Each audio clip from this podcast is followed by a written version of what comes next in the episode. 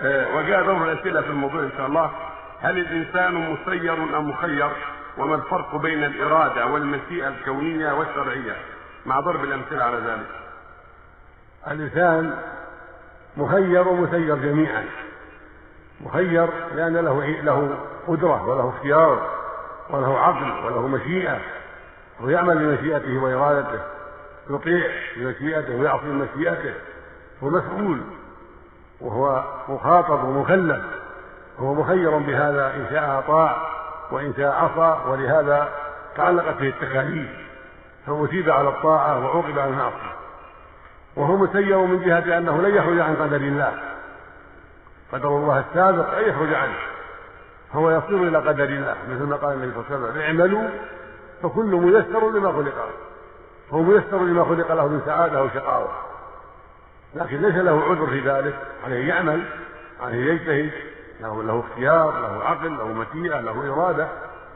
كما قال تعالى من شاء يستقيم وما تشاءون إلا إن شاء الله. ما تريدون على ربنا والله يريد الآخرة. قال من شاء ذكره وما يكون إلا إن شاء الله. قال إن الله خبير ما تصنعون خبير ما تفعلون خبير ما تعملون.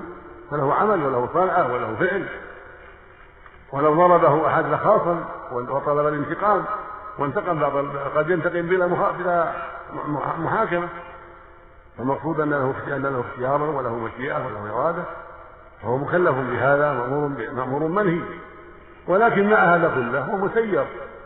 وميسر لما خلق له من شقاوة وسعادة. لن يخرج عن قدر الله الذي مضى به علمه سبحانه وتعالى. والإرادة إرادتان. إرادة شرعية وهي مقتضى الأمر. وقد أمر العباد بطاعته وعبادته وأراد منه ذلك شرعا. فمنهم من عصى ومنهم من أطاع. وهناك إرادة كونية بمعنى المشيئة. وهذه الإرادة الكونية لا يخرج عنها أحد بل هي نافذة. الإرادة الكونية معنى المشيئة نافذة.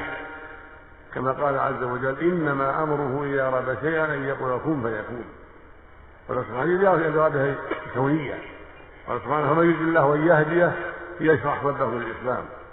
ويريد الله يجعل صدره ضيقا حرجا كأنما صعد في السماء هذه إرادة كونية معنى المشيئة.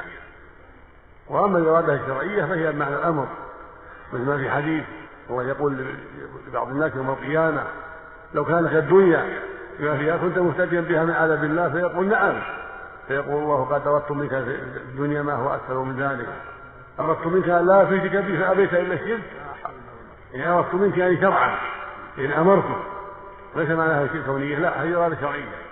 يعني أردت منك أن ألا تشرك أبدا يعني أمرتك بهذا ولكنك أطعت هواك وشيطانك.